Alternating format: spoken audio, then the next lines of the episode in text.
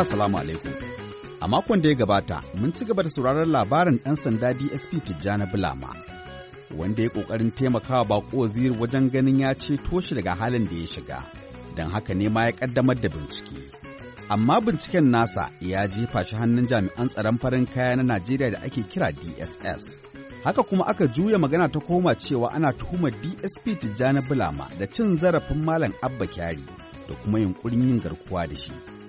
A yau za mu ƙarasa jin abin da ya faru da Tijjani Bulama. Suna Nasir Fili Hashin Gumel.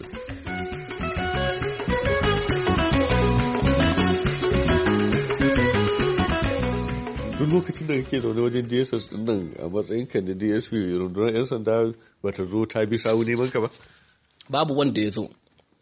Amma daga baya da bayan su sun ɗauke ni for the second time akan cewa in faɗa in canza magana na sun ce wai ai shi DIG DIG operation namu wai ya zo har sau biyu. Joshua Kabila. Yes sir. An ce ya zo har sau biyu shi wajen DSS din. Amma dai kam ba ni ba a neme ni ba. Sai ranar na fita shine shi CP Provost ne zai ɗauke ni muka tafi Force Headquarters. Muna zuwa sai suka kai da gun acting CP na monitoring unit. Ina zuwa sai fara zage-zage ga barawon nan stupid why why da maganganu da kala-kala. Har ya bata mana sai na ce miki sa aikin na fa ni na neme shi na da siya form na samu aikin nan. Saboda haka don wai yau ana wani zage-zage ana da sauransu ni barawo ne ina sanye kidnapping all this and that zan iya an tube uniform na fanje na mai wani aiki na don Allah ya taimake ni na karatu. Sai ce wai zan yi masa rashin kunya ne? Da sauransu. Yana zagi ne. Sai ya kira wani CSP wai a CSP ya zo. Da ya zo sai ya ce take the idiot out. Ka je ka ɗauka statement ɗinsa. Sai CSP sai ya assigning wani DSP da wani ASP suka je muka zanna. Muka zanna sai suka sai da musu su bani su bani statement form. Suna bani sai na gani statement form da with word of caution. Sai da ce ya za su bani statement form na with word of caution? Menene dim arawo ne. Sai suka ce abin da oga ya ce a baka idan da farko na ce ba zan rubuta statement din ba ma. Sai suka ce mana wai don Allah ka rubuta abin da oga ya ce kenan da sauransu da sauransu. Sai na rubuta. Da na rubuta su karar kansu da na gawa statement da suka kalla statement din da we are shocked. Suka ce abin da ya faru kenan. Na ce da me aka ce musu ya faru? Me aka ce muku ya faru? Na ce abin da ya faru kenan mana. Na ce wani bincike kuka yi ne da sauransu. Ga sunan bako. Kun kira bako kun yi bincike ne? Ga sunan shi dan wannan kun kira shi kun yi bincike ne? Ko kuwa shi abba din kun je wajen shi kun je kun ɗauko jawabin sa ne? Ya ga muku gashi abin da ya faru. Haka kawai blinded kun zo kun yi accusing ina. Menene wanda zai warantin jiya sai su rufe ni. Har shaka wata ɗaya ba wanda zai je gurina. Sai bayan wata ɗaya tukuna za a ɗauke ni. Bayan na gama wannan masifan sai suka sai suka je suka ba da statement form din ma shi TCSP sai muka sake shiga shi wajen shi muna zuwa wajen shi shi sai ya an ba shi directives wai ya faɗa min wani police station da nake so a cikin garin Abuja nan a jihar Feni. Ok, akan kayi laifi ana zargin ka kenan ka zama mai satar mutane ko? Yes. Suka tambaye ni wani police station nake so a garin Abuja nan a jihar Feni. Sai na ce ranka da wani kan mene ne ne haka nan ne. Ni na so specifically su gyama mene ne ne. A in ko suna ganin don na kirawo ba ko na je na yi bincike ne don na kirawo shi a dosari da abba kyari ne suna ganin na yi laifi ne sai su faɗa min mene sunan laifin da ne din. su faɗa min nace wani police officer ne baya baya abin da ne ɗin nan. A cikin police act an ni specify cewa kowane case dole dole sai ka ɗauko petition ka kai office ne ko kuwa da sauransu da tukuna za ka yi case. Nace so nawa ana cases za a kira mutum da waya a yi resolve nace police officer is not about dama na so da tambayi ka shin aikin ka matsayin ka na DSP a sashin wannan binciken ya baka damar kai irin wannan aikin da kai. Of course ya bani dama. Don ai bincike ba kama mutum na je kulle ba. Na ɗaya kenan. Ba wani kuɗi na karɓi agon mutumin nan ba. Na biyu bincike kuma ba kan shi muka fara wannan binciken ba. Bincike ina boko ina ina counter terrorism investigation unit unit. So da yawa muna jin information based on information ba ma faɗa ma office za mu je mu nemi yan boko haram kama. Ba taɓa can private investigation ba. So ni kuma yes na yadda an ba faɗa musu a office din ba shine zai warantin a riƙe ni har kusan wata ɗaya wata biyu. Bayan jiya sai sun kulle ne zuwa wata ɗaya suka kawo ne gun police police suka ce in faɗa musu police station nake so su kulle ni. Na ce musu a sokoro suka kai ni a sokoro suka sake kulle ni wata guda ɗaya a sokoro da kwana biyu. Har ta gefen abin ya bata mamaki ta ce a'a me yasa haka ne su police ba za su yi bincike ba? Tunda akwai wannan allegation din me yasa police ba za su je su yi inviting abba kyari din ko kuwa su je gidan shi don matsayinsa su je gidan shi su je su ɗauko jawabinsa ba police ba su yi ba Tun farko dai mun ji bako ziri ya faɗa mana cewar ya miƙa kukansa ga hukumar yaƙi da cin hanci da rashawa ta Najeriya EFCC, amma babu abin da aka yi akan maganar. Shin wannan yana nufin kenan akwai waɗanda suka gagari hukumar EFCC ta hukunta su domin girman su ko mukamin su? Ga Nasir ya dawo mana da wannan batu. A cikin zantawar wannan shiri da bako waziri Kyari da ke zargin shugaban ma'aikatan fadar shugaba Buhari wato Abba Kyari ya ambaci yadda ya ce ya yi ta gwagwarmayar kai kukansa ga hukumar yaƙi da cin hanci ta Najeriya EFCC kuma ya yi nasarar shigar da kukan amma aka riƙa samun akasi.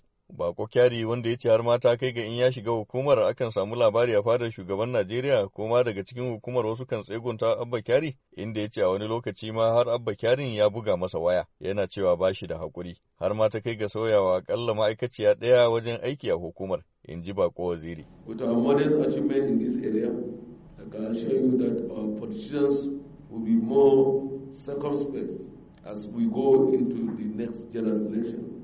And our people have all to gain in this process of disinfecting. Wannan ya sanya ni da wasu abokan aiki muka amsa gayyatar hukumar EFCC inda mukaddashin shugaban hukumar Ibrahim Magu ya yi bayani kan nasarorin da ya ce hukumar ta cimma kama daga dawo da makudan kuɗi daga barayin biro da niyyar dirar mikiya kan sabon binciken badakala. A lokacin an buƙaci 'yan jarida su ajiye na'urorin magana don zantawa ce ta fahimtar irin ayyukan hukumar da amsa kowace tambaya daga manema labaru. Dama magukan nemi goyon bayan 'yan jarida ga shiga aikin fallasa barayin biro in sun gana yin wani abu da suka ga akwai zamba a ciki. Ga ma misalin wannan bayanin. Shi ne na ce ya kamata ku 'yan jarida ku ba mu guduma saboda ba mu ba ne amin akwai lokacin da ku za ku fita ku samu jawabi da sauransu ku aiko mana mu za mu je za mu je ko'ina yanzu nan ba za ka yi sata a najeriya ka ajiye kuɗi ko'ina ba a duniya because duk mun riga mun hada gwiwa da ko da kowa ba tare da natsar sauti ba 'yan jarida sun yi tambayoyi da nuna damuwa kan yadda ake ganin akwai waɗanda suka gagari hukumar hukuntawa wato wasu manya gwamnatin buhari mai da'awar yaƙi da cin hanci da 'yan jaridar suka yi wa taken crocodiles wato kadoji kenan. Cikin mutanen da aka magana a kansu har da shi shugaban ma'aikata na fadar gwamnatin Abba Kyari da cewa duk da bayanan bako waziri ba ji abin da EFCC ke yi ba. Kazalika hatta batun tsohon sakataren gwamnatin Najeriya Babacir David Lawal sai da ta kai ga kwamitin majalisar dattawa ya fito da rahoto da samunsa da laifi kafin ta kai ga dakatar da shi da kuma sai ma bayan kwabe shi daga mukami EFCC ta shigo kuma nan ma sai sama-sama aka yi batun.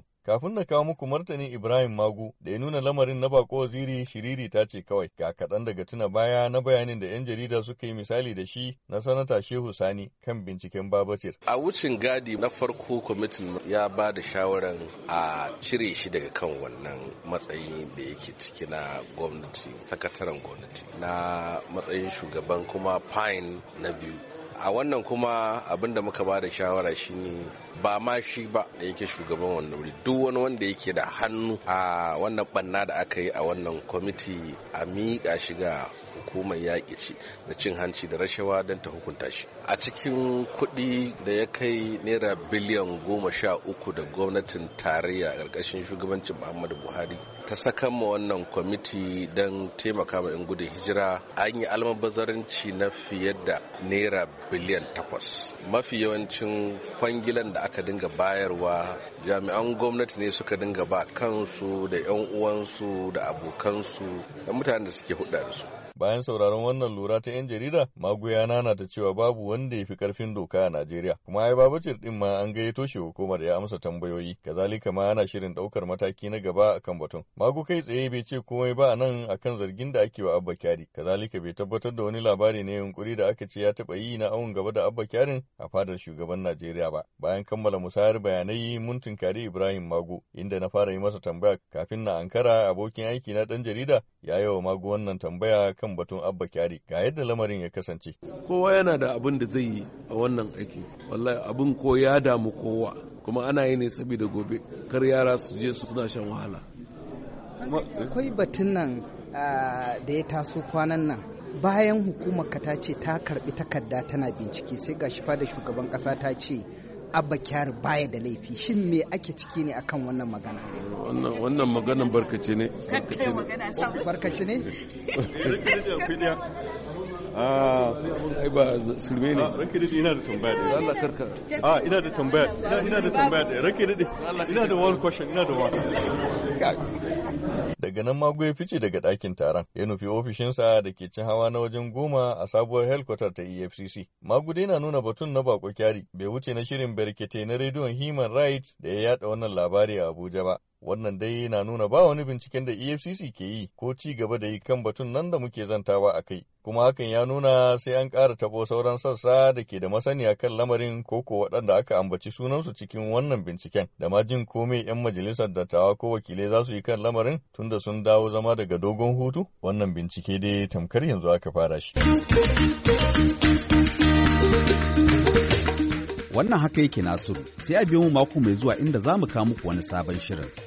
Yanzu a madadin Nasiru Adamu El Hikaya, nisar fili hashin gumar ke cewa mu kasance lafiya.